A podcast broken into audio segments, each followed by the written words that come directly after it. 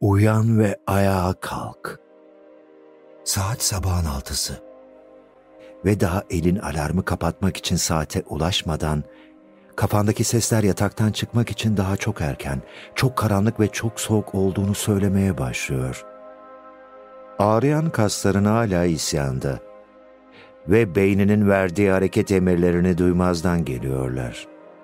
Bir ordu dolusu ses hep bir ağızdan alarmı susturup rüyalar alemine dönmen için sana izin verdiklerini haykırıyor. Dinlemeye karar verdiğin ses onlarla muhalefet olan tek ses. O ses sana daha en başında o alarmı kurmanın bir nedeni olduğunu söyleyen ses. O zaman doğrul, ayaklarını yere koy ve arkana bakma. Çünkü yapacağımız işler var. Korkuların, endişelerin ve kendine güvensizliklerin hepsi seni vurmaya hazır bir ordu gibi yan yana dizilmiş bekliyorlar. Ama cesaretin kırılmasın. Tamam, galibiyet zor ama yenilmez de değiller. Unutma, bu savaş.''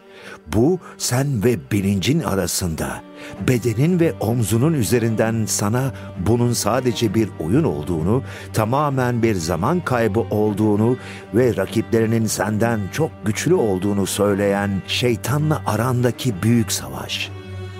Kalp atışlarınla belirsizliğin sesini boğ. Derinlerde yanan ateşle şüphelerini yak.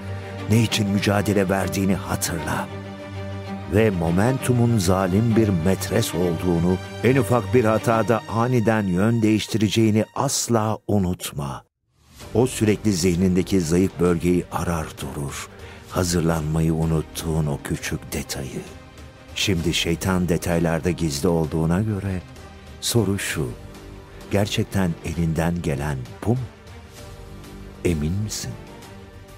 Bu sorulara cevabın evet olduğunda çarpışmaya hazırlanmak için elinden gelen her şeyi yaptığında işte o zaman ileri atılmanın ve rakibinle karşılaşmanın vakti gelmiştir.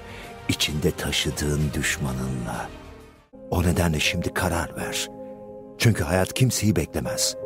Senin sıran geldiğinde binlerce ses henüz bunun için hazır olmadığını söylemeye çalışırken sen uzaklardan gelen o makul, hazır olduğunu, her şeyin senin elinde olduğunu söyleyen sese kulak ver.